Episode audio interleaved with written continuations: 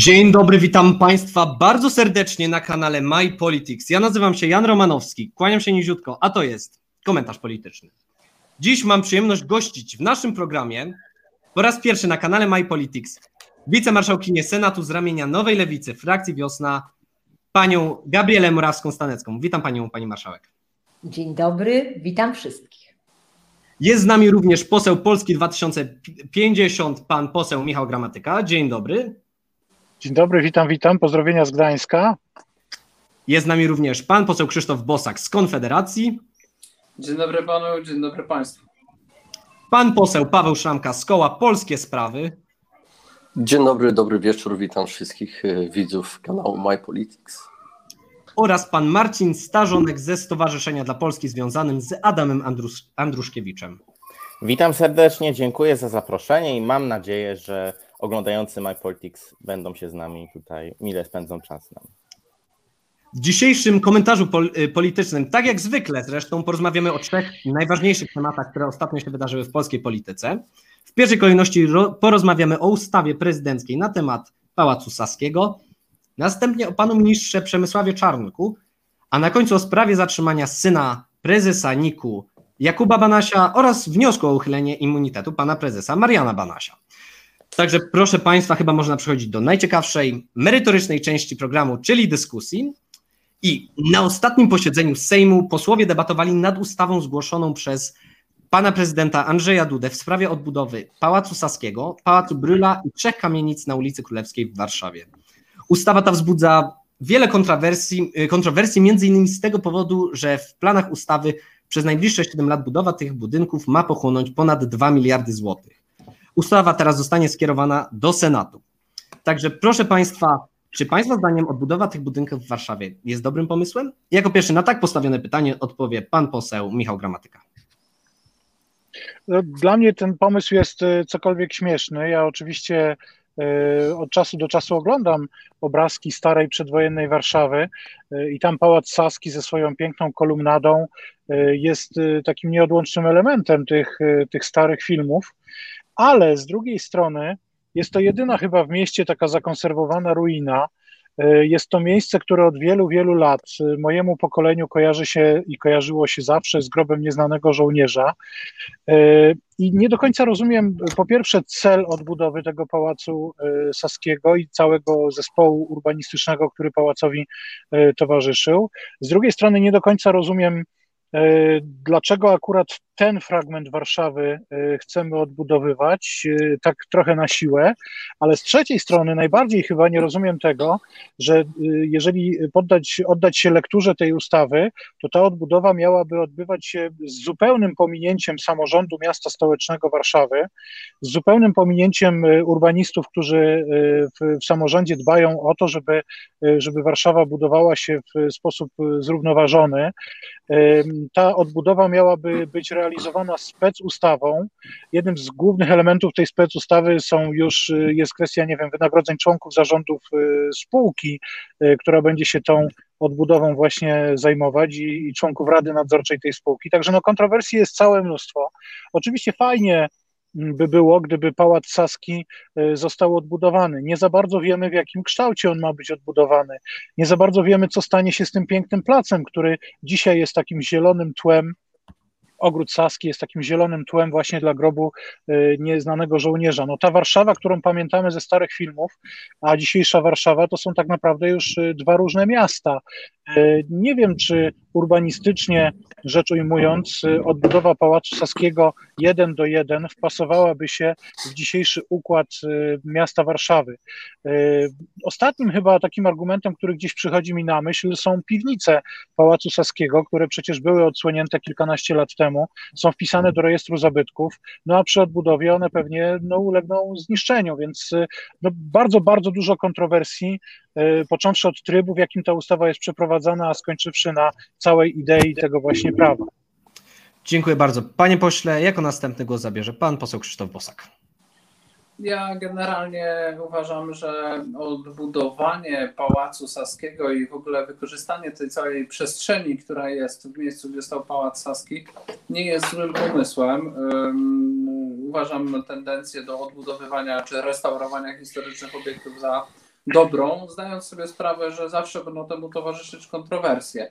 Natomiast mamy niedużo tych historycznych obiektów. Ten obszar, gdzie jest Pałac Saski, czyli oś Saska, to jest obszar no, historycznie konstytuujący Warszawę i historyczne centrum. Jest to tło dla wszelkiego rodzaju istotnych uroczystości państwowych.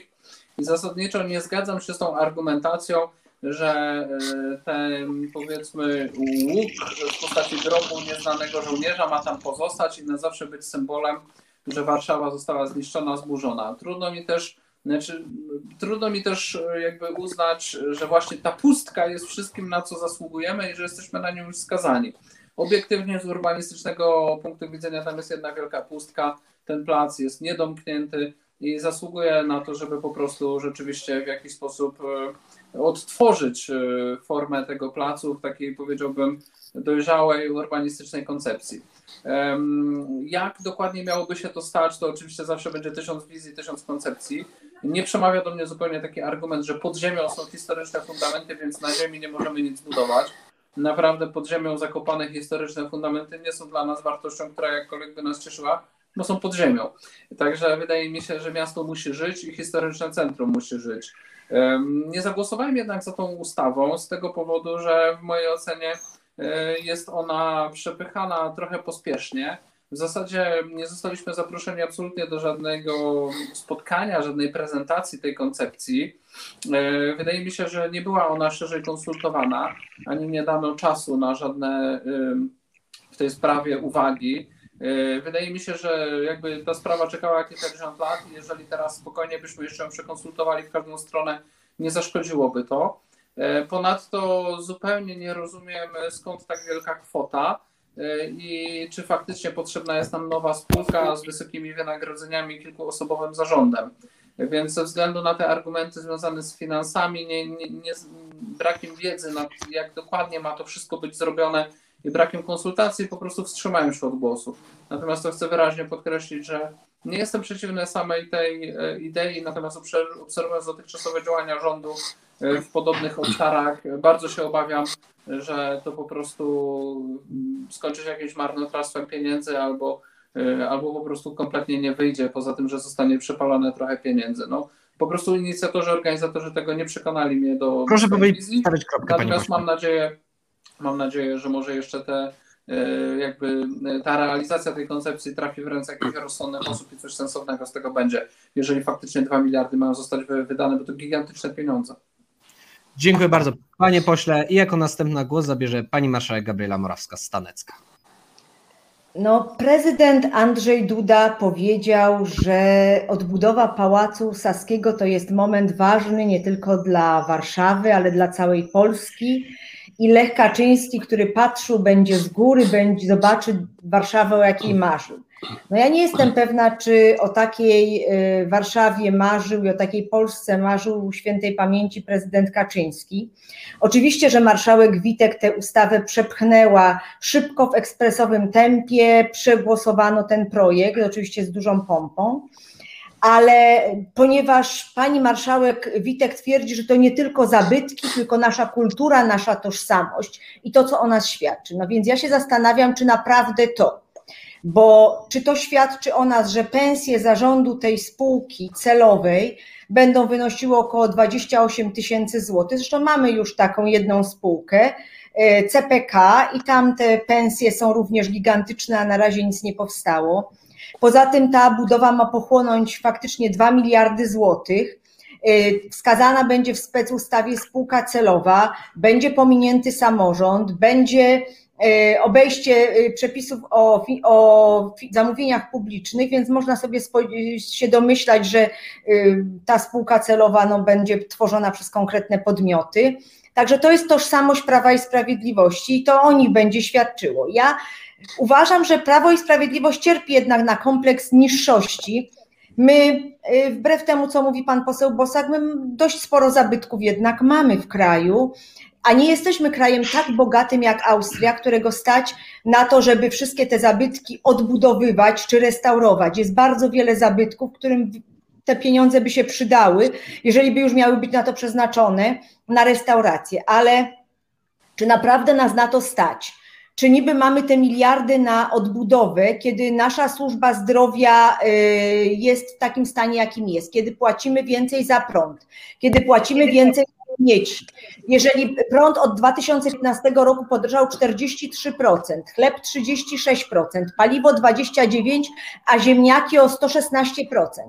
Obywatel posmaruje kromkę masłem, ale będzie mógł podziwiać Pałac Saski. To jest akurat kpina z wyborców.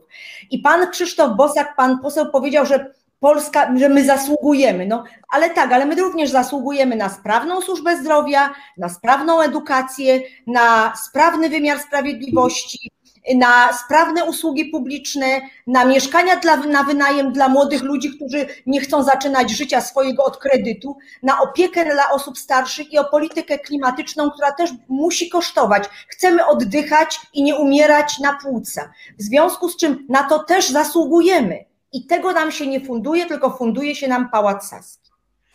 Został wywołany przez panią marszałek poseł Bosak. Czy pan, pan poseł chciałby jakoś, jakoś skomentować słowa pani marszałek, jakoś się do nich odnieść? Tak, ja już ten wątek pominąłem w swojej wypowiedzi, bo nie na wszystko jest czas, ale tu muszę dodać, że rzeczywiście czas kryzysu y, nie jest chyba dobrym czasem na taką inwestycję i jeżeli by ją odsunąć w czasie o kilka lat, to naprawdę niczym by to nie ujęło. I zgadzam się, że jest mnóstwo innych wyzwań, często bardziej palących, bardziej zaniedbanych i również w obszarze i polityki społecznej i opieki nad zabytkami są y, bardziej pilne wyzwania. To, to mi się wydaje, że to jest taki prestiżowy wydatek na czas naprawdę bardzo, bardzo dobrej koniunktury i posprzątania innych spraw. Dziękuję bardzo panie pośle. Jeszcze zanim wrócimy do wcześniej ustalonej kolejności, y, adwocem zgłosił pan Marcin Starzonek ze Stowarzyszenia dla Polski. E, tak jest. Ja się chciałem odnieść do e, słów, które wypowiedziała pani marszałek i zastanawiam się, czy to troszkę nie jest tak, że e, cokolwiek rząd nie zaproponuje, to opozycja, i oczywiście jeżeli to kosztuje, to opozycja mówi, że na to nie ma pieniędzy, że są dużo istotniejsze kwestie. Oczywiście ja zgadzam się z tym, że edukacja klimatyczna, inwestycje w innych sektorach również są bardzo potrzebne, natomiast mówienie o tym, że na nic nie ma pieniędzy, przypominam, że y, pani koledzy y, mówili także parę lat temu o tym, że nie ma pieniędzy na inne programy, na które te pieniądze się jednak znalazły. Po prostu nie wiem, czy y, oglądający MyPolitics kupują jeszcze taką retorykę. Pani marszałek, chciałaby się pani jakoś odnieść. Jeszcze pan poseł gramatyka zgłosił adwocem i zaraz, zaraz udzielę panu posłowi głosu. Ja oczywiście chciałabym się do, niego odnie, do tego odnieść, bo nie wiem, jacy moi koledzy kilka lat temu się wypowiadali. To jest pierwsza kwestia, ponieważ lewicy w Sejmie nie było poprzedniej kadencji. To jest pierwsza rzecz. A druga rzecz, no oczywiście, my musimy mierzyć siły na zamiary. Ostatnia kontrola y, budżetu, ostatnie y, informacje, które, które pan prezes Banaś przekazał, y, świadczą o tym, że jest gorzej niż rząd mówi. W związku z czym popatrzmy najpierw, ile mamy pieniędzy i jak wyglądają nasze finanse publiczne, a potem będziemy mogli myśleć o jakichkolwiek inwestycjach. Dziękuję bardzo Pani Marszałek. Pan poseł Michał Gramatyka zgłosił adwocem z takim dużym uśmiechem adwocem do pana Marcina Starzonka, by pani marszałek y, Morawska-Stanecka jest pierwszą kadencję senatorką Rzeczypospolitej. Y, wcześniej była bardzo dobrą i znaną na Śląsku prawniczką y, i nie miała nic wspólnego z polityką. Jest osobą nową w parlamencie i słynie z tego, że jest dosyć koncyliacyjna jednak, także na pewno z jej ust nigdy nie usłyszał pan, że coś jest złe tylko dlatego, że tak wymyślił rząd. A ten, ta koncepcja odbudowy Pałacu Saskiego, ona nie jest może o tyle zła, co ona jest po prostu kontrowersyjna. No i podpieranie się takimi argumentami, które często słyszymy od pisowskich oficjeli, że w Warszawie tak naprawdę nie ma naprawdę potężnych budynków, którymi moglibyśmy się pochwalić, no to ono budzi po prostu pusty śmiech. No, taka gigantomania, y, Pałac Saski, lotnisko w Baranowie, prom Batory i jeszcze parę takich y, elementów, y, na czele których jedzie milion elektrycznych samochodów. Panie Marcinie, chciałby Pan się jeszcze odnieść tutaj do słów posła gramatyki, czy, czy przechodzimy do, oddzielam go z Panu posłowi Szamce? To znaczy pan, pan poseł gramatyka powiedział kilka rzeczy, do których troszkę dłużej się do tego odniosę podczas mojej kolejki odpowiadania pytania. Dobrze, to, to zaczekamy do tego czasu i wrócimy do, do wcześniej ustalonej kolejności. Pan poseł Paweł Szamka, proszę bardzo. Dziękuję. Moi przedmówcy podnieśli bardzo wiele argumentów odnośnie budowy Pałacu Saskiego. Ja osobiście miałem ogromny problem z tym, jak zagłosować za tą ustawą. Uważam, że Pałac Saski powinien zostać odbudowany. Oczywiście możemy dyskutować to, czy to jest odpowiedni moment, czy teraz stać nas na to, czy nie ma ważniejszych problemów. Oczywiście zawsze będą ważniejsze problemy. Edukacja, zdrowie, bezpieczeństwo zawsze będą ważniejsze niż odbudowa jakiegokolwiek innego budynku. Natomiast jeśli byśmy w ten sposób cały czas stawiali sprawę, to nigdy nie odbudowalibyśmy e, Warszawy.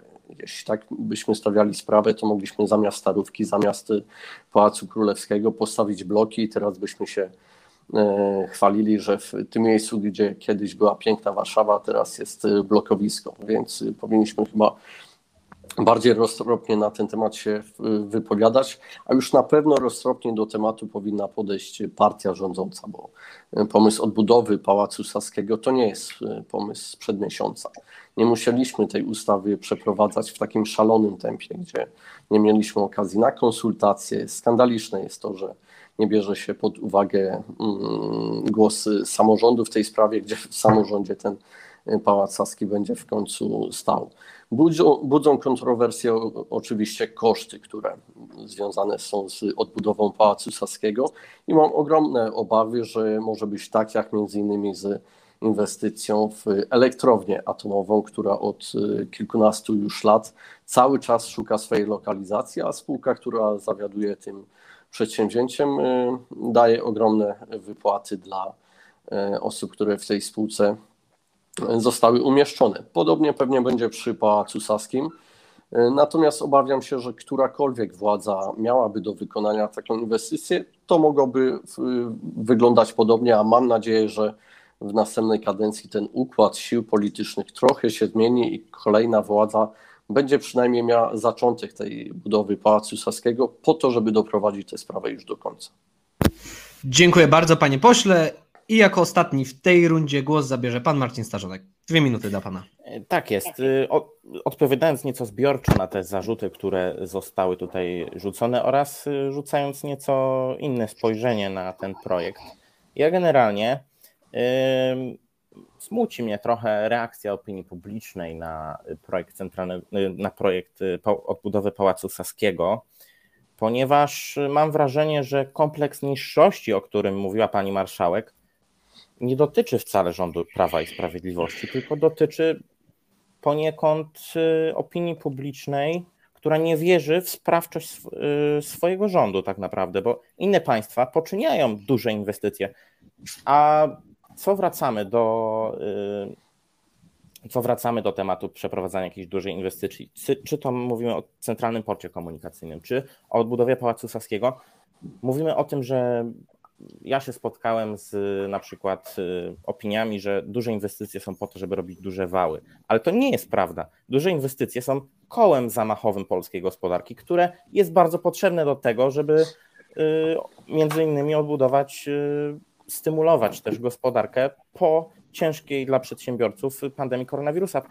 Pamiętajmy, że te pieniądze to nie są pieniądze, które znikną, ale one pójdą do wykonawców, podwykonawców, w konsekwencji pójdą do pracowników, y, którzy będą ten pałac odbudowywać, do zwykłych, normalnych ludzi, do polskich rodzin. Y, także to nie są pieniądze, które znikną, zostaną y, przepalone, jak to powiedział pan gramatyka, chyba, chociaż mogę się tutaj mylić. No i ja generalnie uważam, że to jest projekt, który, na który sta, nas stać, który powinniśmy realizować. Inne państwa jakoś nie mają problemu z tym, żeby przeprowadzać takie inwestycje. Dlaczego więc my, Polacy, nie możemy czegoś takiego zrealizować? Niemcy też odbudowali po 40 latach swój zamek podobnej rangi Stadtschloss, zapłacili za to prawie 600 milionów i to było parę, 10 lat temu ponad, więc naprawdę jest to projekt, na który jeżeli mierzymy siły na zamiary, to możemy mierzyć siły na realizację takiego projektu. I nie rozumiem tych zarzutów. Dziękuję bardzo panie Marcinie. Dwa adwocem zostały zgłoszone po tej wypowiedzi. W pierwszej kolejności pan Paweł Szramka, a następnie pan poseł Michał Gramatyka, a jeszcze teraz adwocem zgłosiła pani marszałek Morawska-Stanecka. Więc zaczniemy od posła Szramki. Tak, odnosząc się do słów pana Marcina, który wypowiedział bardzo ciekawą sentencję, że duże inwestycje służą do dużych wałów. Niestety, ale ja jestem przekonany, że tak się właśnie dzieje i to nie jest zarzut tylko do tej władzy, ale do również poprzedników. Pamiętajmy, że tak jak wspomniałem już w poprzedniej wypowiedzi, elektrownia atomowa zaczęła się budować, w cudzysłowie oczywiście, bo nawet nie ma lokalizacji zarządu Platformy Obywatelskiej, a teraz mamy już już szósty rok rządów Prawa i Sprawiedliwości. Dalej nie mamy nawet lokalizacji, a spółka pobiera ogromne pieniądze, y, wypłaty z, za to, że się nic nie dzieje. Podobnie sytuację mamy z tymi autami elektrycznymi, które to pan premier Morawiecki zapowiadał, że będzie ich milion. Jeśli jest kilka tysięcy, to jest dobrze, a ponadto pan Morawiecki chyba nie zorientował się, że nie jesteśmy przygotowani na milion aut, bo po prostu nasza infrastruktura energetyczna nie dźwignęłaby teraz y, takiego wielkiego obciążenia. Więc proszę się nie dziwić, że Polacy, że politycy obawiają się takich wielkich inwestycji, które pochłoną ogromne pieniądze, a nie wiemy, jaki będzie finał. Na zdrowie, panie pośle. Y, panie Marcinie, udzielę panu głos, y, żeby zbiorowo odpowiedzieć na, na wszystkie adwocem, więc teraz udzielę głos panu, panu posłowi gramatyce. Y, no, ja, ja również uważam, że nie jest to kwestia tego, że się podejmuje wielkie inwestycje, tylko że podejmuje się mądrze wielkie inwestycje. Panie Marcinie, zapewne pan, zapewne pan przyzna, że gdyby PiS nie utopił dwóch miliardów złotych w blokach, y, w tych filarach y, pod chłodnię kominową w elektrowni Ostrołęce, pewnie byłyby te 2 miliardy na odbudowę Pałacu Saskiego, prawda? Że od czasu 2015 roku, kiedy PiS objął władzę, tak naprawdę żadna z inwestycji nie została zrealizowana. No chyba, że panu coś przychodzi do głowy, jakaś fajna, wielka inwestycja służąca Polkom i Polakom, którą przez te 6 lat rządów y, zrealizował y, rząd Zjednoczonej Prawicy, bo ja szukam, szukam i się doszukać nie mogę. Z tych 100 obwodnic to zdaje się tam, nie wiem, dwie może Y, zaczęte. Y, o samochodach elektrycznych, no to już nie mówmy, no bo nie będziemy się znęcać y, nad panem premierem. Elektrowni atomowej, którą pan prezydent Duda po rozmowie z prezydentem Trumpem przywiózł przecież do Polski i tak wszyscy się szczycili, że, że kilka nawet tych elektrowni atomowych wybudujemy. Też jak nie ma, tak nie ma. Elektrownie w Ostrołęce właśnie rozbierają. Pośle, proszę powiedzieć, stawiać kropkę. Stawiam kropkę. Dobrze, to dziękuję bardzo. I jeszcze zanim panu Marcinowi udzielę głos, pani marszałek Gabriela Morawska-Stanecka. Trudno jest, odnosząc się do Pana wypowiedzi, Pana Marcina, trudno jest wierzyć temu rządowi, że jest w stanie zrealizować jakiekolwiek inwestycje. Jak tutaj zresztą moi przedmówcy powiedzieli już, wymienili inwestycje, które miały być z wielką pompą budowane i które się zakończyły klęską. Ja już nie mówię o tej zardzewiałej stopce, stępce. Ale jeszcze jest jedna rzecz. Były projekty inwestycji, które są Polakom potrzebne. Na przykład projekt y, przeciwpowodziowy Myślenic i Pcimia do Rzecza Rzepki Raby, które PiS w 2015 roku była gotowa, przygotowana inwestycja za 160 milionów złotych, została skreślona.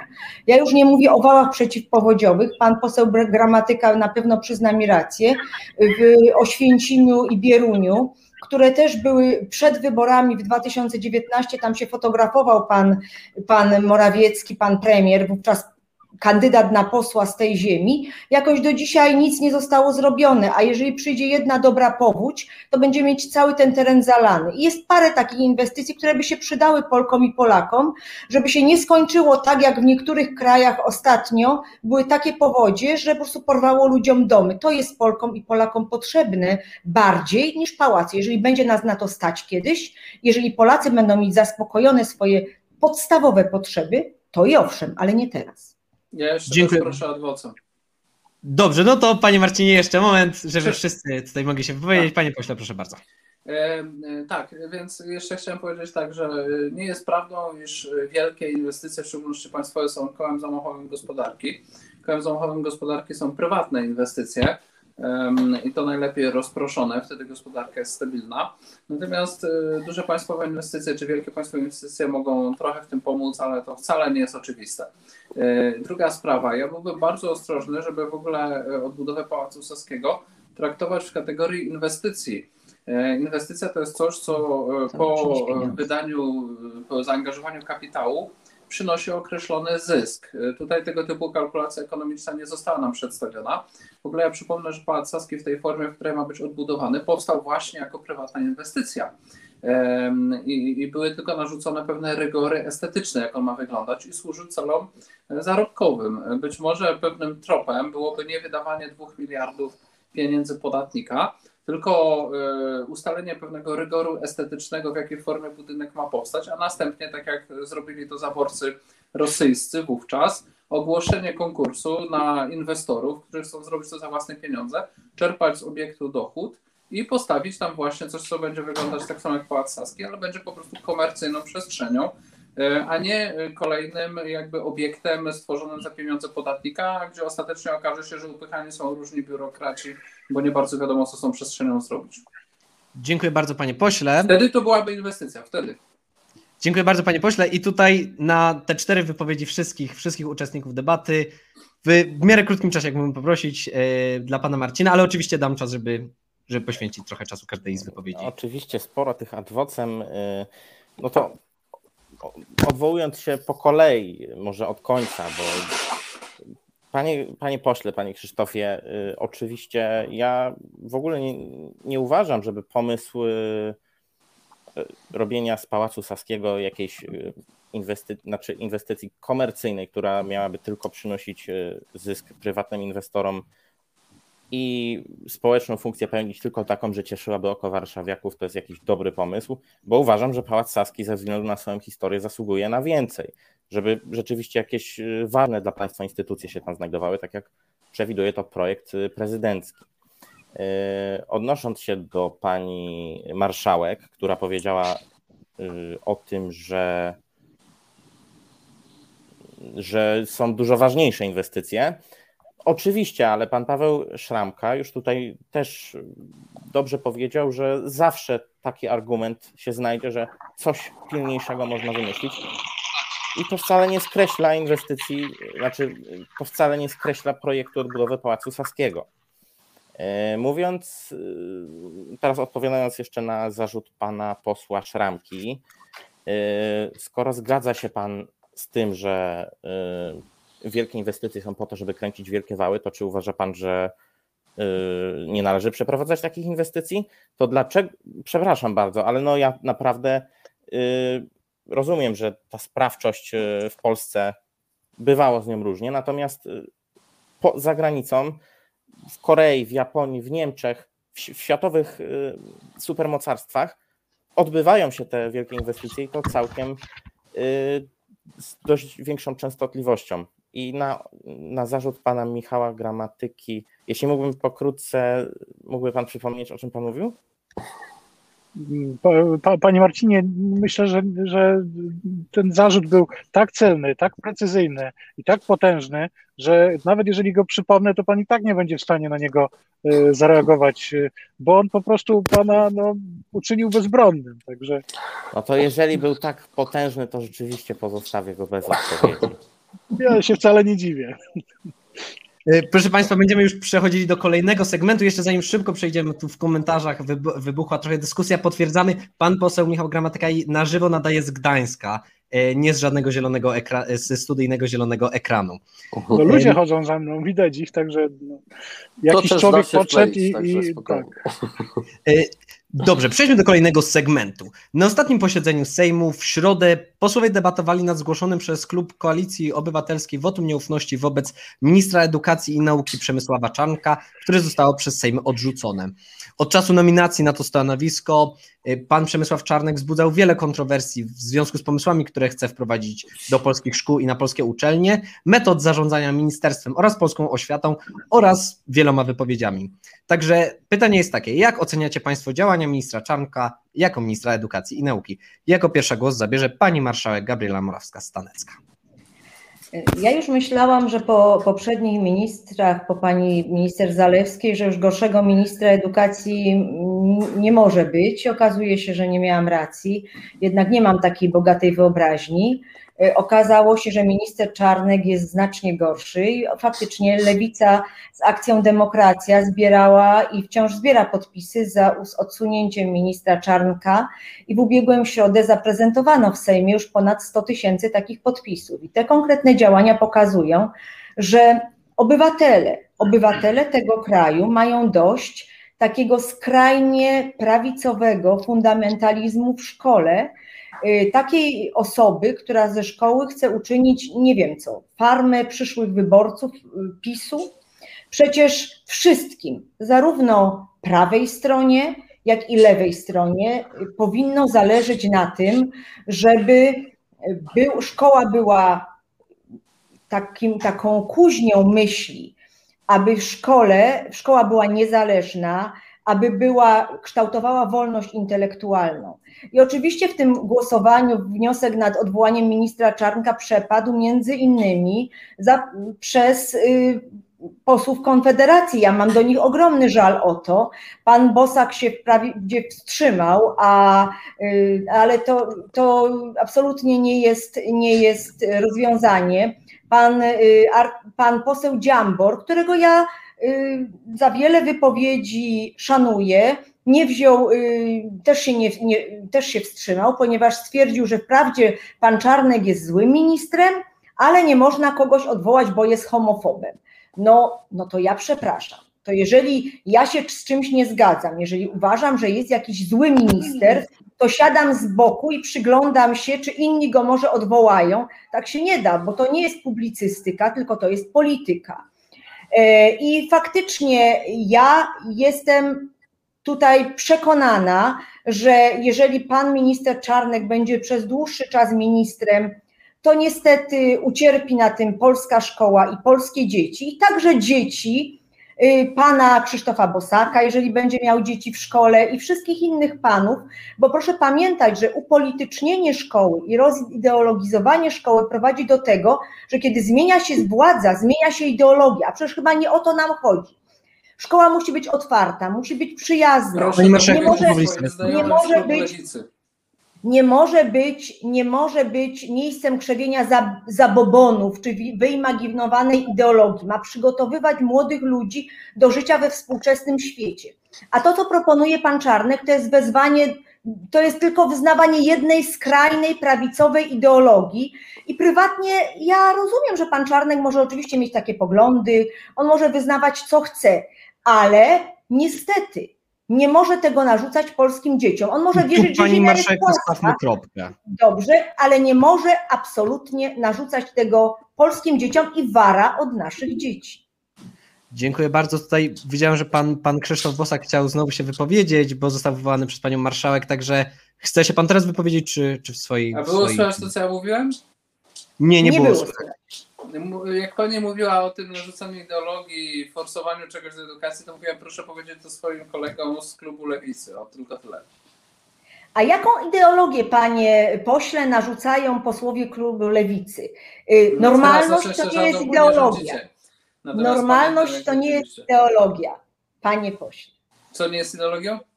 Normalność nie jest ideologią. No okej, okay. to co wy proponujecie to jest normalność, cała reszta to nienormalność ideologia. No okej. Okay. Nie, Można sobie tak manipulować. To co proponuje pan, pan minister Czarnek to jest ideologia w szkole. Dziękuję Państwu bardzo i przejdźmy teraz z powrotem do kolejności. Pan Marcin Starzonek, proszę bardzo. Mówiąc o tym, że należy wprowadzić normalność, no to pani marszałek y, chyba zdaje sobie sprawę z tego, że normalność może mieć wiele definicji w zależności od poglądów, więc no nie szedłbym w takie obiektywne stwierdzenia. Natomiast wracając już do samego tematu, ja ubolewam bardzo nad tym, jak y, media głównego nurtu y, dały się złapać w tą retorykę złego ministra Czarnka, który zamknie dzieci w szkołach, y, codziennie będzie 8 godzin religii i tak dalej.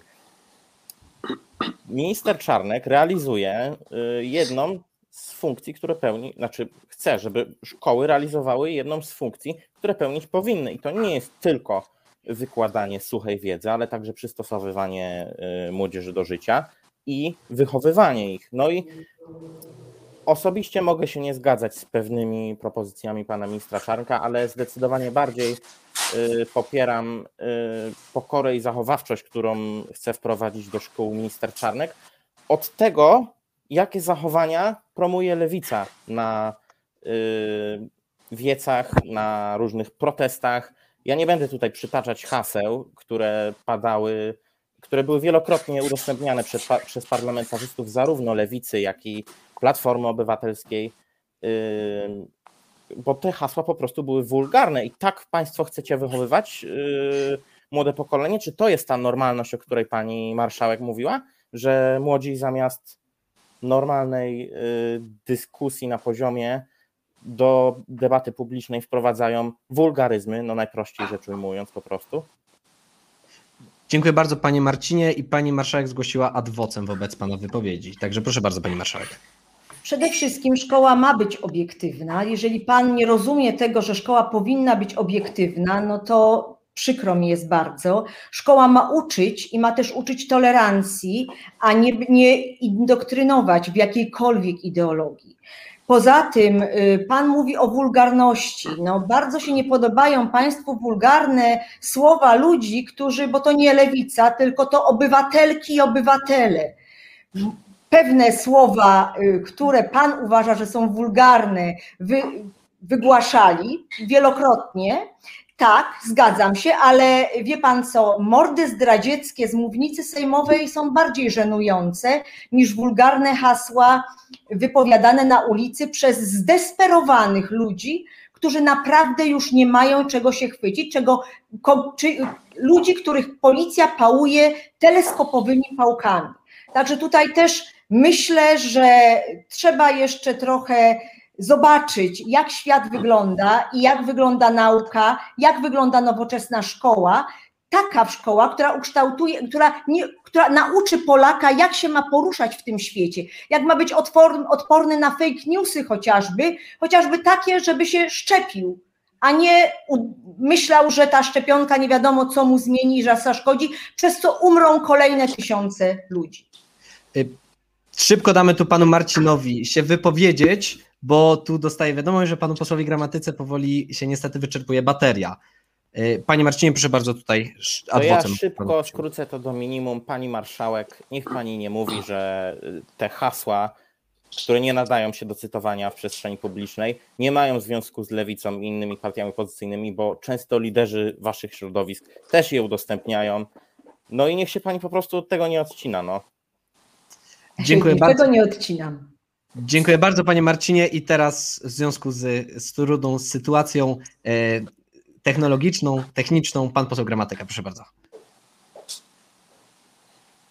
Panie pośle, jest Pan Mikrofon. wyciszony? Mikrofon. Pan? Przepraszam, o. ja się sam wyciszyłem, słuchajcie, dlatego że tutaj ludzie przechodzą wokół mnie e, i oni rozmawiają. Jeden pan nawet mnie e, był uprzejmy poprosić o autograf, a ja nie mogłem mu wytłumaczyć, że, że jestem w telewizji. Dla wszystkich tych, którzy nie wierzą i mówią, że jestem na green screenie, proszę bardzo, tam jest stocznia, e, tam jest pomnik stoczniowców. No a tam się oczywiście coś buduje, jak to, jak to w Gdańsku. I tego już się na green screenie zrobić nie da, więc to dla tych, którzy E, którzy piszą w komentarzach, że, e, że nadaje z green screena. E, a wracając do, do, do, do, do pana ministra Czarnka, no taka osoba w życiu nie powinna być ministrem edukacji w mojej ukochanej Polsce, dlatego że E, pan minister Czarnek mentalnie tkwi w ciemnych wiekach, a dzisiaj młodzież potrzebuje edukacji przyszłości. Dzisiaj potrzebuje, potrzebujemy być, e, my młodzi, wy młodzi, potrzebujecie być gotowi na to, co niesie ze sobą XXI wiek. Potrzebujecie uczyć się pracy projektowej, potrzebujecie wiedzieć, e, jak działają algorytmy sztucznej inteligencji, potrzebujecie takiej wiedzy, która umożliwi wam robienie przyszłej kariery zawodowej w niektórych zawodach, o których nawet dziś nie jesteśmy w stanie powiedzieć, powiedzieć, jakie one będą. Wyzwania XXI wieku to, to, to big data, to analizy i poszukiwanie jakichś nieoczywistych związków w wielkich paczkach danych, to architektura tych danych, y, to programowanie, y, to tego typu wyzwania, a nie zastanawianie się, czy jedna z drugą dziewczyna mają prezentować i utrwalać w sobie cechy niewieście, e, czy nie mają tego robić. I to jest cały absurd tej postaci e, i jej ministrowania. Chodzi mi tutaj o pana ministra Czarnka. I każdy, kto go broni, e, musi o tym po prostu pamiętać, że ten człowiek się urwał po prostu gdzieś z jakiegoś ciemnego XIX stulecia i, i tak jakby się nagle obudził, a przecież mamy rok 2021. E, również e, nie, nie podobają mi się te ataki, panie Marcinie, pana na, na, na panią marszałek, Morawską Stanecką, dlatego że już abstrahując od tego, że pani marszałek jest osobą, która słynie z kultury osobistej i zawsze ujmuje się za słabszymi i wielokrotnie dawała tego, tego dowody, to przypinanie jej łatki, że promuje jakieś wulgarne sformułowania, tak jakby pan nigdy nie był na Marszu Narodowców się pan zachowuje. Zupełnie nie wiem skąd w panu tyle takiej, takiej, takiej właśnie, nie wiem, może nie agresji, ale takiej, takiej właśnie krytyki wobec Nigdy liderzy pani narodowców nie marszałek. wypowiadali się tak wulgarnie jak strajki kobiet. No, liderzy pewnie nie, ale O. wie pan, ja Marsz Narodowców kiedyś przechodził gdzieś tam niedaleko mnie. E, Nie narzekam na jakiś tam, nie wiem, zbyt wąski zasób słów, w tym tych nieprzyzwoitych, ale tam naprawdę dużo się można było od nich nauczyć. Pan Marcin jeszcze zgłosił szybki adwocem wobec, wobec wypowiedzi posła gramatyki. Króciutko, ja nie atakuję pani y, marszałek, nie mówię, że pani marszałek wypowiadała takie słowa, ale od tego, że mówili to jej koledzy z partii, odciąć się nie da. Dziękuję bardzo panie Marcinie i teraz przechodzimy do wypowiedzi pana posła Pawła Szamki. Dwie minuty dla pana panie pośle. Poseł e, Michał Gramatyka mówił o tym, że musimy być przygotowani na to, że w przyszłości będziemy wykonywać zawody, o których nawet teraz nam się jeszcze nie śni. Przypomniał mi się słynny wywiad prezydenta Dudy, który mówił o tym, że trzeba być twardym, bo w przyszłości będzie trzeba podejmować decyzje, o których nawet nam się nie śniło. Ale to tak y, przy okazji. A co do ministra Czarka, no to panie Janie, bądźmy poważni. Myślę, że ani pan, ani ja nie chcielibyśmy, żeby nasze dzieci wychowywały się w szkole, na której czele stoi pan minister Czarnek. I z całym szacunkiem do pana Czarnka, bo ma prawo do swoich opinii, ma prawo do e, swoich idei, ale jako minister edukacji powinien się skupić na edukacji, panie ministrze. Jeśli pan obejrzy gdzieś ten materiał, to zachęcam, żeby skupić się na edukacji, a nie na ideologiach, na e, wprowadzaniu do szkoły swojego jakiegoś światopoglądu. Skupmy się na edukacji, bo naprawdę mamy ogromny wysiłek, żeby wprowadzić poważną reformę w polskiej edukacji, bo to, co jest teraz, to przypomina niestety, ale czasy komuny. Dzieciaki uczą się rzeczy, które na wyciągnięcie ręki mają w smartfonie, a muszą to wkuwać i do niczego w większości mi się w życiu nie, nie przypominają. Więc tutaj popieram posła gramatykę, że powinniśmy przede wszystkim uczyć dzieci, żeby były w stanie posiadać nowe umiejętności, żeby były w stanie zdobywać te umiejętności po to, żeby być e, atrakcyjnymi e, pracownikami, czy też nawet pracodawcami na rynku pracy w przyszłości, żeby byli w stanie konkurować, żeby byli w stanie tworzyć nowoczesne technologie, nowoczesny sprzęt, aby Polska dzięki takim wykształconym ludziom również stawała się nowoczesnym państwem, a nie zamykać e, polską szkołę w jakimś zaścianku. Dziękuję bardzo. Panie pośle, i jako ostatni w tym segmencie, w tej części pytań y, wypowie się pan poseł Krzysztof Bosak. Proszę bardzo, panie pośle. No wydaje mi się, że minister Czarnek, mając za sobą ponad pół roku sprawowania urzędu ministra, e, słabo zaczął i ubolewam nad tym, dlatego że posługuje się hasłami konserwatywnymi, katolickimi, e, wyrabiając właśnie negatywną opinię ludziom, którzy są konserwatystami czy, czy katolikami.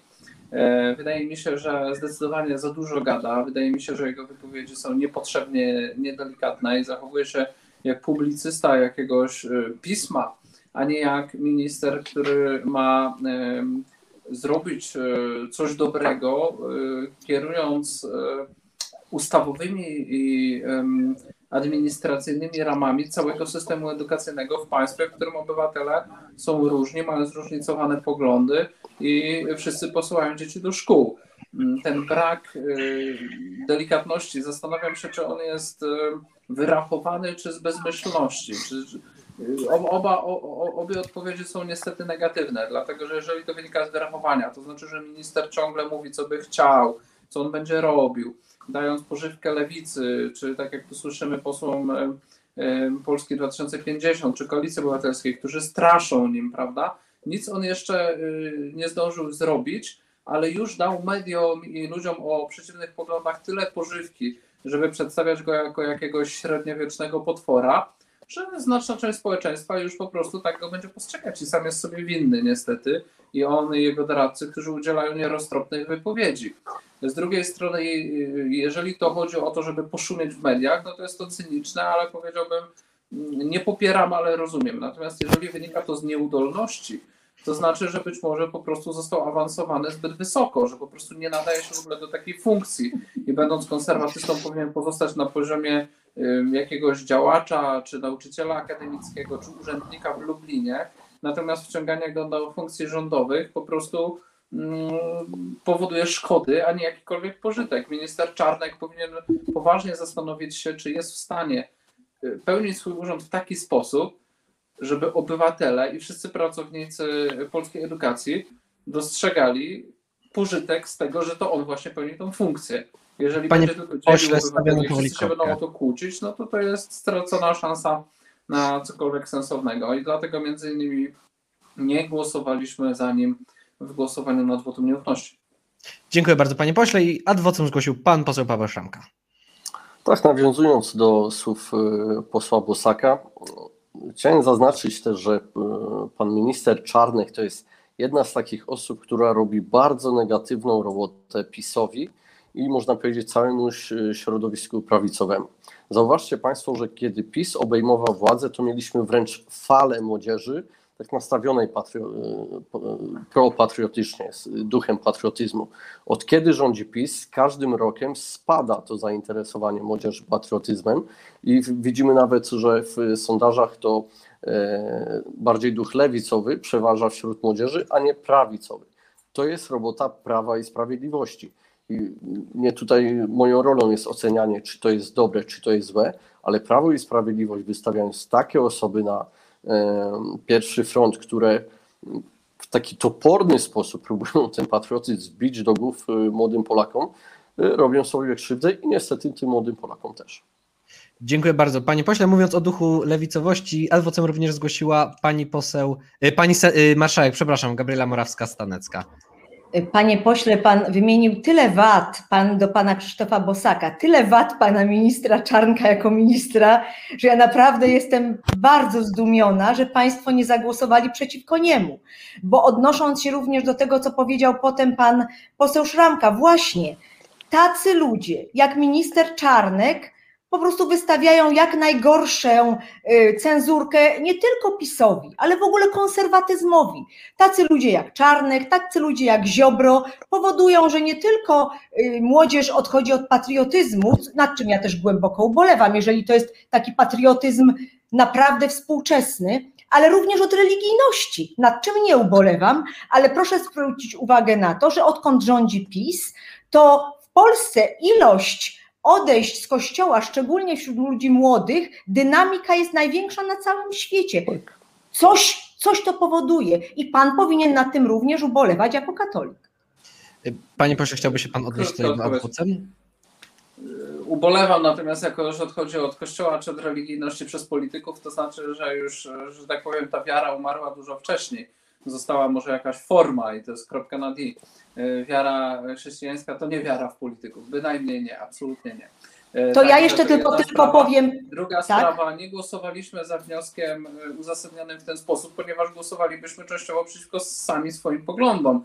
Wy nie zaatakowaliście ministra za rzeczy, o których ja mówię.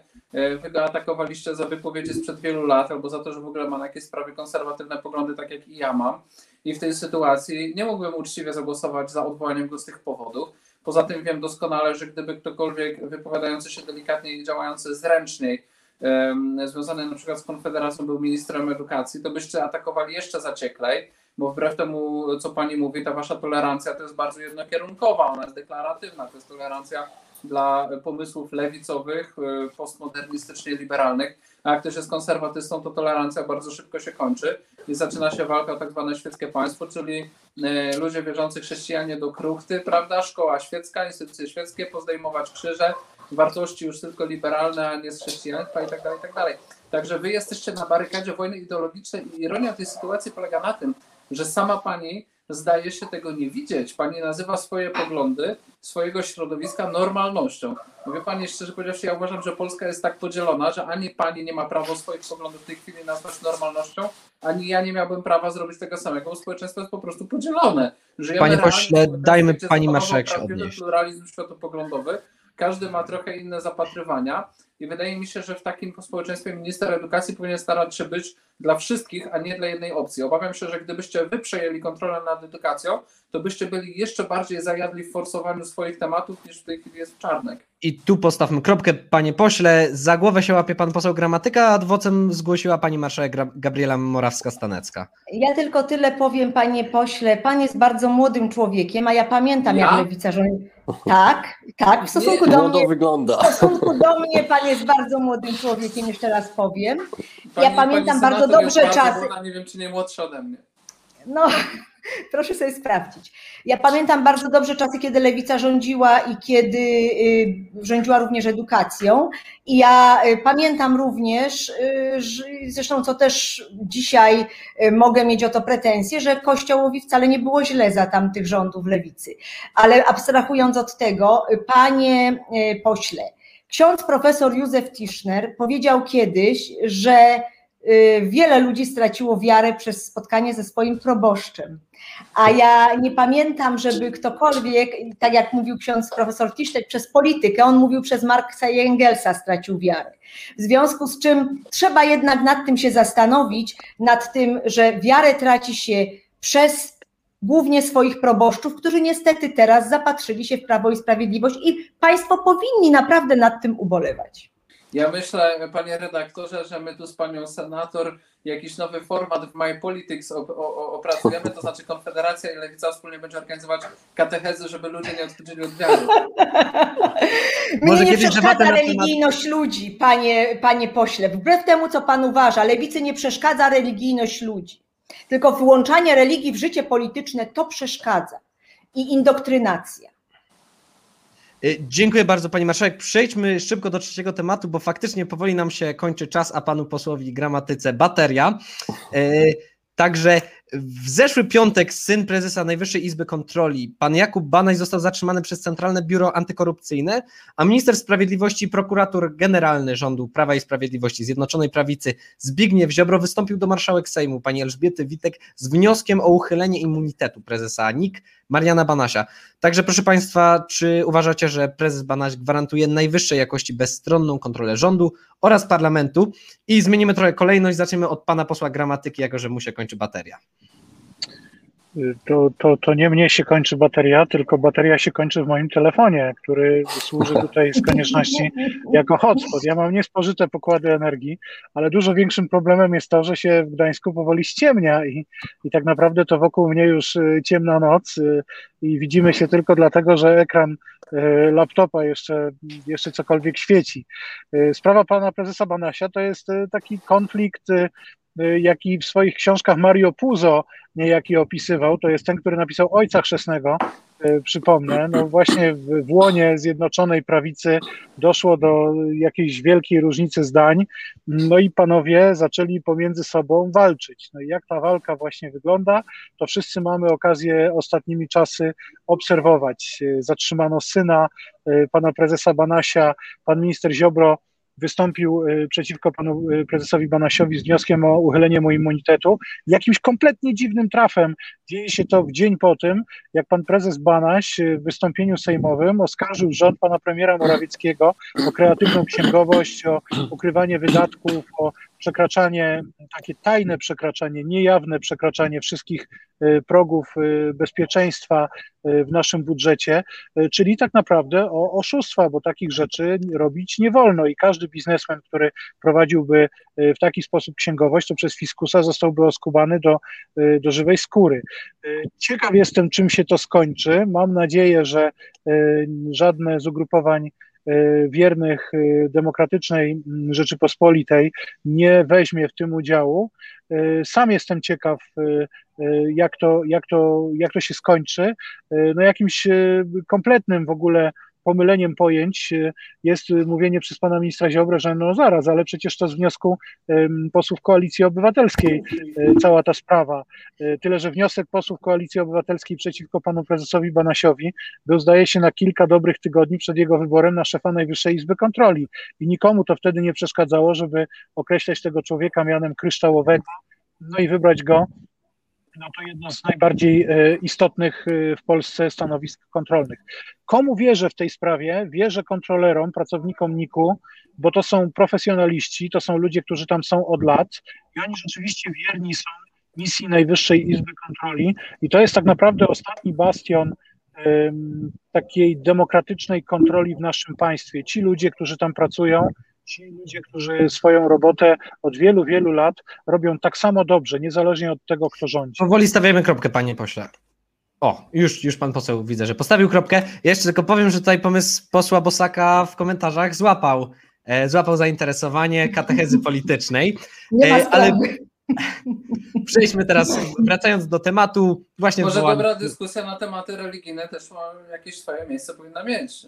Kto wie? Może nie my politycy, ale przyda się może.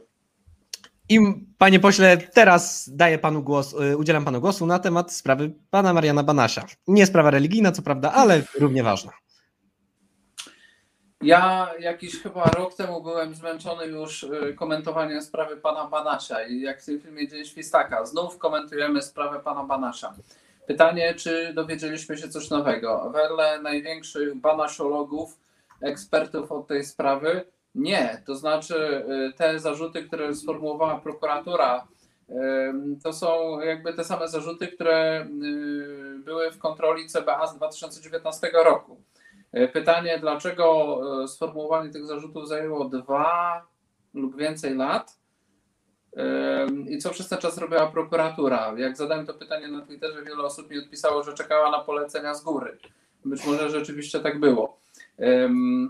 E, więc, więc tak, więc to po pierwsze. I to jest w ogóle szerszy problem, tak? To znaczy w wielu takich głośnych sprawach jest jakiś nieprawdopodobnie długi upływ czasu pomiędzy medialnym na przykład jakimś zatrzymaniem kogoś do aresztu, a sformułowaniem zarzutów.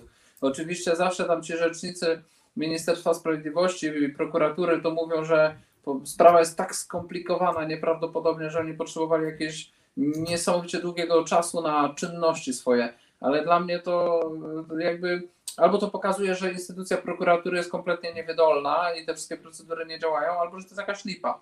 Teraz co do zarzutów. E, ja przejrzałem komunikat prokuratury i generalnie on jest mocno odległy od tej całej narracji, która jest rozwijana w mediach. Ja w ogóle to nadmienię, nie mam zamiaru orzekać, czy pan Banasz e, jest winny, czy niewinny, bo ja po prostu tego nie wiem. Rozmawiałem z człowiekiem ze dwa, trzy razy w życiu i uważam, że sprawa, niezależnie co tam jest, musi zostać oceniona uczciwie, sprawiedliwie. Jeżeli złamał prawo, powinien ponieść karę, niezależnie. Natomiast same zarzuty nie są jakieś poważne. To znaczy w, w komunikacie prokuratury nie, nie, nie ma takich rzeczy że jest uwikłany w grupę przestępczą, e, czy tam, nie wiem, uczestniczył w jakimś kradzieży na dużą skalę, czy krył jakieś przekręty podatkowe. Nie. E, to są sprawy trzy. Jedno, że do oświadczenia majątkowego miał jakąś rzeźbę i ją sprzedał i nie wpisał tego, że z tej rzeźby miał jakiś dochód. Nie jest podane o jaką kwotę chodzi, czy 5 tysięcy, 50 tysięcy, 500 tysięcy, nie wiem, ale no generalnie jakiś jeden wartościowy przedmiot, którego nie wpisał i go sprzedał, to wygląda to raczej w przypadku kto, kogoś, kto pełni eksponowane funkcje państwowe za pomyłkę niż za ukrywanie czegokolwiek. To nie jest sprawa taka jak u Nowaka, gdzie tam jakieś mieszkanie i znaleziono torby z pieniędzmi, prawda, niewiadomego pochodzenia. E, druga Panie rzecz, pośle, proszę e, powiedzieć, stawiać kropkę. No jeszcze zreferuję te dwa zarzuty. Druga rzecz to, że e, o, źle oszacował wartość kamienicy, którą posiadał. I to trzeba powiedzieć, że, tam, że przez 10 lat kłamał w oświadczeniu. Kłamał czy nie kłamał? My, posłowie, urzędnicy, wpis, szacujemy wartość nieruchomości. Nie mamy obowiązku dokonać wyceny. Gdybyśmy mieli obowiązek, to byśmy dokonywali wyceny, zamawiali i wpisywali. Trzeba by być totalnym idiotą, żeby wpisać wartość inna niż tą, którą uważamy w publicznie składanym oświadczeniu, które kontrolują służby. Więc to wygląda raczej na szukanie na siłę czegoś, żeby mu e, dołożyć. I trzecia i ostatnia sprawa to, że e, tam niedopłata podatku przez 5 lat 50 tysięcy, czyli 10 tysięcy złotych rocznie. Pytanie, o jaką dokładnie niedopłatę chodzi? E, I znów wydaje mi się, że będąc szefem służby podatkowej i robiąc z perspektywy kogoś, kto jest właścicielem kamienicy, należy do elity społecznej, e, był ministrem finansów i tak dalej, szefem służby celnej, 10 tysięcy rocznie to nie jest jakaś wielka kwota. Więc raczej mi to wygląda, gdybym miał strzelać, tak? Nie mówię, że on nie zrobił żadnych nieprawidłowości, nie mówię, że jego syn nie ma nic na koncie. Nie wiem tego, ale gdybym miał strzelać, wygląda mi na to, że służby przetrzepały bardzo dokładnie wszystkie papiery i szły według klucza dajcie mi wszystko, do czego można się przyczepić i stawiamy mu zarzuty. I tak to I wygląda. tu postawmy kropkę, panie pośle, i oddajemy głos panu posłowi Pawłowi Szramce. Proszę bardzo. W całej tej sytuacji wychodzi ogromna wręcz hipokryzja partii rządzącej, bo pamiętamy sytuację, kiedy pan Marian Banaś miał zostać prezesem Najwyższej Izby Kontroli. Wtedy było wiele zarzutów, że jest to nieodpowiednia osoba na to stanowisko i wtedy PiS tym się nie przejmował, nieszczególnie widocznie sprawdził wszystkie sprawy pana Banasia i pan Banaś został wtedy prezesem Najwyższej Izby Kontroli. I teraz mamy sytuację, że jest najwyższy, prezesem Najwyższej Izby Kontroli. Wymknął się spod kontroli PiSowi, co ewidentnie widzimy. Ja nie twierdzę absolutnie, że pan Banaś jest aniołem, że nie ma czegoś za uszami, bo tego nie wiem, podobnie jak przedmówca. Nie mam takich narzędzi, żeby to sprawdzić. Niech odpowiednie służby tym się zajmują, zanim ktoś obejmuje takie ważne stanowisko, jak prezes Najwyższej Izby Kontroli. Natomiast na chwilę obecną, jeśli mamy osobę, prezesa NIK-u, która wyrwała się z tych szponów partii rządzącej na w jakiś sposób niezależność. Nie wiemy na czym to polega, czy to jest po prostu starcie między panem prezesem a Prawem i Sprawiedliwością, czy faktycznie pan prezes Banaś chce jak najlepiej wykonywać swoją funkcję, to myślę, że powinniśmy utrzymywać tą sytuację, żeby była instytucja, która jest w stanie kontrolować decydentów w Polsce. Ostatnio wybraliśmy Rzecznika Praw Obywatelskich, który nie jest nadania pisowskiego. Mamy również Rzecznika Małych i Średnich Przedsiębiorców, który w swoich wypowiedziach jest sensowny i pokazuje, że nie idzie kluczem partyjnym, ale stara się tych przedsiębiorców wspierać. Ale to są bodajże trzy instytucje, które w jakikolwiek sposób mogą kontrolować i mogą wpływać na decydentów w Polsce, a reszta jest absolutnie zagarnięta przez aparat partyjny. Więc mając w kontekście tutaj pana prezesa Banasza, nie powinniśmy pozwolić na to, żeby PiS był teraz w stanie wymienić go sobie na kogoś zaufanego, kim będzie można sterować. Dziękuję bardzo, panie pośle. Tutaj jeszcze z nami na szczęście jest pan poseł Gramatyka i zgłosił adwocem wobec pana wypowiedzi. Tak, słuchajcie, bo chciałem wam powiedzieć, że to miasto jest absolutnie niesamowite. Nie dalej jak parę minut temu przy, przybiegł do mnie wolontariusz ruchu Polska 2050 i przyniósł mi powerbanka. Ja tego powerbanka teraz podłączyłem do swojego telefonu, który z konieczności pracuje jako hotspot, więc już mi w ogóle nie, nie brakuje baterii, więc teraz tylko gryzą mnie komary i robi się tutaj coraz ciemniej, ale Zaraz wielkie ukłony, bardzo dziękuję. mniej więcej, mniej więcej pomiędzy 23.30 jakiś catering też by się przydał, bo jak znam pana redaktora, to wcześniej tego nie skończymy, tej rozmowy. Będziemy powoli, ze dwa razy, już powoli zmierzać ku końcowi. Jeszcze ze dwa razy pan udzieli głosu Krzysztofowi Bosakowi, to będziemy tu siedzieć do rana. No nie wiem, do której ja jest nie korzystam szybka kolej. tyle, co pozostali. Dziękuję bardzo, panie pośle, tutaj. I teraz przejdźmy do wypowiedzi pana Marcina. Proszę bardzo, panie Marcinie. Dziękuję bardzo. No, trzeba przyznać, że mówienie o tym, że pan Marian Banaś był człowiekiem kryształowym, było po prostu błędem. Z tego, a, a z błędów, do błędów należy się przyznawać i z błędów należy się wycofywać. Jeżeli chodzi o skalę, jeżeli chodzi o skalę tych przewinień, które ma na koncie, ja nie jestem w stanie tego oszacować i uważam, że tym powinny się oczywiście zająć odpowiednie służby. Natomiast dziwi mnie trochę narracja, Yy, znaczy nie, inaczej, nie tyle dziwi, bo ja rozumiem ten proces. To po prostu opozycja zbija sobie na ten kapitał polityczny. Natomiast yy, uważam, że to nie powinno tak być, że kiedy yy, Banaś był powoływany, to opozycja grzmiała, że to jest nieodpowiednia osoba na tym miejscu, a teraz, kiedy może na tym zbić kapitał polityczny, no to nagle Banaś na białym koniu jest bohaterem, który obali rząd Prawa i Sprawiedliwości. Dziękuję bardzo, panie Marcinie. Widzę, że tutaj wcześniej została zakończona wypowiedź, także w takim razie przechodzimy do ostatniej na dzisiaj wypowiedzi, chyba że zostaną zgłoszone adwocem. Także pani, pani marszałek, jak się pani wypowie na temat sprawy pana prezesa Banasia? Zacznę od tego, co powiedział przed chwilą pan Marcin. Mówienie, że pan Marian Banaś był kryształowy, było błędem. No ten błąd popełnił nie kto inny, tylko prezes Jarosław Kaczyński. Bo wtedy, kiedy opozycja grzmiała, że to nie jest dobry kandydat na prezesa Najwyższej Izby Kontroli, to prezes Jarosław Kaczyński go bronił. W związku z czym, i tutaj y, też jakby adwocem tej, od tej wypowiedzi pana Marcina, jeżeli pan Marian Banaś został powołany na konstytucyjny urząd prezesa Najwyższej Izby Kontroli, to jest pod konstytucyjną ochroną. I teraz już trudno, jak się go takiego powołało, to trzeba zdzierżyć na, na miejscu Prawa i Sprawiedliwości całą tę jego kadencję. Niestety, to jest konstytucyjny urząd i trzeba teraz spić to piwo, którego się naważyło. Jest to żelazny Marian, jak mówiono również o nim, i to również mówili przedstawiciele Prawa i Sprawiedliwości. Jak się okazało, jest żelazny. Stał się niezależny, tylko nie tak niezależny, jakby chciał PiS, tylko niezależny po prostu inaczej. Jak trafnie to ujęła moja koleżanka klubowa w ubiegłym tygodniu, pani profesor Senyszyn, pan Marian Baniaś złamał zmowę milczenia, jak w układach mafijnych bywa, i po prostu płaci za to karę. I oczywiście on nie wyjeżdża na żadnym białym koniu. Ja abstrahuję od jego niekrystalicznej przeszłości, ale to już przed chwilą wyjaśniłam. Trzeba przyznać, że ta zerwanie tej zmowy milczenia powoduje, że NIK pracuje bardzo sprawnie.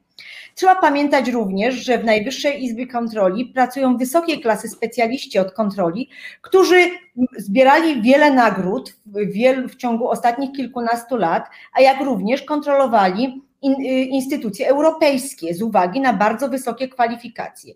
I oni faktycznie kontrolują i wyjątkowo pan Maria Banaś przygląda się poczynaniom rządzących i teraz tak, NIK złożyła zawiadomienie do prokuratury przecież na premiera Morawieckiego jego ministrów w sprawie wyborów kopertowych, o czym też pamiętamy, a teraz pan Banaś, pan prezes Banaś pyta rząd o 224 miliardy złotych. No i co się dzieje później? Dzień później CBA zatrzymuje na lotnisku syna pana Mariana Banasia, o tych zarzutach pan Bosak, pan poseł już bardzo dokładnie opowiedział, więc nie będę się powtarzać, ale jako dziwne to jest, że yy, zatrzymali go, kiedy wrócił z zagranicy, co przeważnie zatrzymuje się ludzie, jak chcą wyjechać za granicę, żeby nie uciekli. No i to wszystko jest oczywiście czysty zbieg okoliczności. Czystym zbiegiem okoliczności jest również to, że wpływa wniosek od pana Ziobry do pani marszałek Witek, żeby uchylić immunitet panu prezesowi Banasiowi. Oczywiście przypadkowo obudziła się nagle prokuratura po tylu latach, to też pan y, Krzysztof Bosak już tłumaczył, ile to było tych oświadczeń, przez jaki okres czasu. Nagle się obudziła prokuratura, przypadkowo była to ta prokuratora białostocka. Zupełnym przypadkiem, bo przecież wiemy nie od dziś, że jeżeli jest jakaś Pani sprawa polityczna, proszę o stawienie kropki. Ważna dla władzy PiS, to prowadzi ją prokuratura białostocka. No więc ja uważam, że oczywiście opozycja nie powinna przyłożyć ręki do uchylenia immunitetu Marianowi Banasiowi, chociażby dlatego, że kontroluje, jest, kontroluje władzę, jest faktycznie kontrolerem, który bardzo dużo Polakom pokazuje. No i, i ostatnia rzecz, jest organem konstytucyjnym, jest pod ochroną konstytucji. Dziękuję bardzo Pani Marszałek. I tutaj, ażeby ten odcinek komentarza politycznego został zapamiętany jako najdłuższy, najszerzej oglądany oraz najprawdopodobniej najbardziej emocjonalny, e, e, pełen emocji, a zostały zgłoszone kolejne dwa adwocem. E, a nawet już trzy w tej chwili. Zaczniemy od, a już cztery w tej chwili nawet, także zaczniemy od pana posła Pawła Szamki. Ja chciałem swoje adwocem wykorzystać na zwrócenie uwagi na jedną sprawę. Zobaczcie, jak sympatycznie ciekawie nam się rozmawia bez PiSu i bez Platformy Obywatelskiej. Drodzy widzowie i uczestnicy tego spotkania, życzyłbym sobie, żeby te twory polityczne, które dziś uczestniczą, miały większe znaczenie w przyszłości, a te dwa, które wymieniłem, czyli największe kluby parlamentarne obecnie, zdecydowanie te swoje loty obniżyły, bo myślę, że to będzie z dużą korzyścią dla nas wszystkich. Dziękuję bardzo, panie pośle. I teraz kolejny adwocem głos udzielam panu Marcinowi Starzonkowi ze Stowarzyszenia dla Polski. Tak jest, ja tutaj adwocem do pani marszałek. No, pięknie zreferowała pani nam długą listę rzeczy, dlaczego pan Marian Banaś jest niewygodny dla PiSu. Oczywistą konsekwencją jest tego, że cała pozycja może zbijać sobie na tym kapitał polityczny. Natomiast ja mam wrażenie, że choćby pan Marian Banaś przejechał tą przysłowiową, przejechał Staruszkę pijany, tak, zakonnicę na pasach, to i tak by opozycja nie chciała go odwołać, bo jest to niewygodne PiSu, PiSowi. Ja bym prosił, też ponadto bym prosił, żeby pani nie hiperbolizowała w ten sposób, że pociągnięcie do, do odpowiedzialności pana Banasia będzie się równać z zwolnieniem wszystkich kontrolerów, bo wspomniała Pani o tym, że to są najwyższej klasy specjaliści, ale jakby nie widzę tutaj związku. Oni wciąż mogą tam pracować. Dziękuję bardzo Panie Marcinie i tutaj adwotem zgłosiła Pani Gabriela Morawska-Stanecka oraz została również wywołana przez Pana Marcina, także proszę bardzo Pani Marszałek. Przede wszystkim, panie Marcinie, ja nie hiperbolizuję i nie dlatego y, mówię, że pan prezes Banaś powinien być dalej na stanowisku, że y, jest to wygodne dla opozycji. Za chwilę będą kontrole takie, które być może nie będą wygodne dla opozycji, to nie ma znaczenia. Ja jestem adwokatką, jestem prawniczką i stoję na straży prawa, bez względu na to, czy to prawo mi się podoba, czy nie. To jest pierwsza kwestia. E, A druga rzecz, wcale nie powiedziałam, że ci kontrolerzy mają być zwolnieni, ja tylko chwalę ich profesjonalizm. I oni, ale jednak nadaje rytm i ton y, działania Najwyższej Izby Kontroli prezes. I dlatego jeszcze w tym, i w tym miejscu na koniec chciałam bardzo serdecznie pod, podziękować szczególnie dwom, dwóm posłom. Panu posłowi y, Krzysztofowi Bosak, Bosakowi za to, że tak bardzo mnie odmłodził. Jest, y, ja tylko panu powiem na pocieszenie, że moja córka starsza jest od pana tylko parę lat młodsza, ale bardzo dziękuję i jest mi bardzo miło. Y, A drugie podziękowanie dla pana posła Michała Gramatyki za wsparcie. Naprawdę jestem pod wrażeniem i bardzo dziękuję. Taka współpraca na opozycji bardzo mi się podoba. Dziękuję bardzo Pani Marszałek i właśnie wywołany przed chwilą Pan poseł Michał Gramatyka jako ostatni dzisiaj zgłosił adwocem. Ba- Bardzo chciałem podziękować. E, Bardzo fajny odcinek, zupełnie absolutnie niezwykłe miejsce dla mnie, ale już teraz e, będę się starał zawsze nadawać na żywo. Proszę nie wierzyć, jeżeli kiedykolwiek dostaniecie zaproszenie od redaktora Romanowskiego e, do My Politics, proszę mu nie wierzyć, że program będzie trwał 45 minut. To na pewno się nie zdarzy. Nieprawda. Chciałem powiedzieć, że, że w tym odcinku zaimponował mi również pan y, poseł Bosa, który ja doskonale wiem, że to jest inteligentny facet, i, ale po tej mowie obrończej, którą wygłosił w intencji pana y, prezesa Banasia, myślę, że zarówno w kancelarii u pani y, Gabrieli Morawskiej-Staneckiej, jak i w mojej kancelarii, jak już politykę skończymy, ma pan na pewno przyjmiemy pana na aplikację i będzie pan świetnie potem przed sądami stawał, bo, bo to była bardzo dobra mowa obrończa i miejmy nadzieję, że te argumenty znajdą uznanie w Sejmie, y, który będzie głosował pewnie nad wnioskiem o y, uchylenie immunitetu. Bardzo dziękuję y, również panu Marcinowi, no i panu Pawłowi, który kiedyś był moim kolegą z ławy poselskiej, ale potem się przeniosłem troszkę bardziej w, w prawą albo w lewą, w zależności od tego, jak patrzymy, stronę. Dziękuję bardzo Panie Pośle i tym pozytywnym, tymi pozytywnymi akcentami kończymy dzisiejszy odcinek komentarza politycznego. Dziękuję bardzo Państwu za oglądanie oraz Państwu za uczestnictwo. Moimi Państwa gośćmi byli dzisiaj wicemarszałkini Senatu z ramienia Nowej Lewicy, pani Gabriela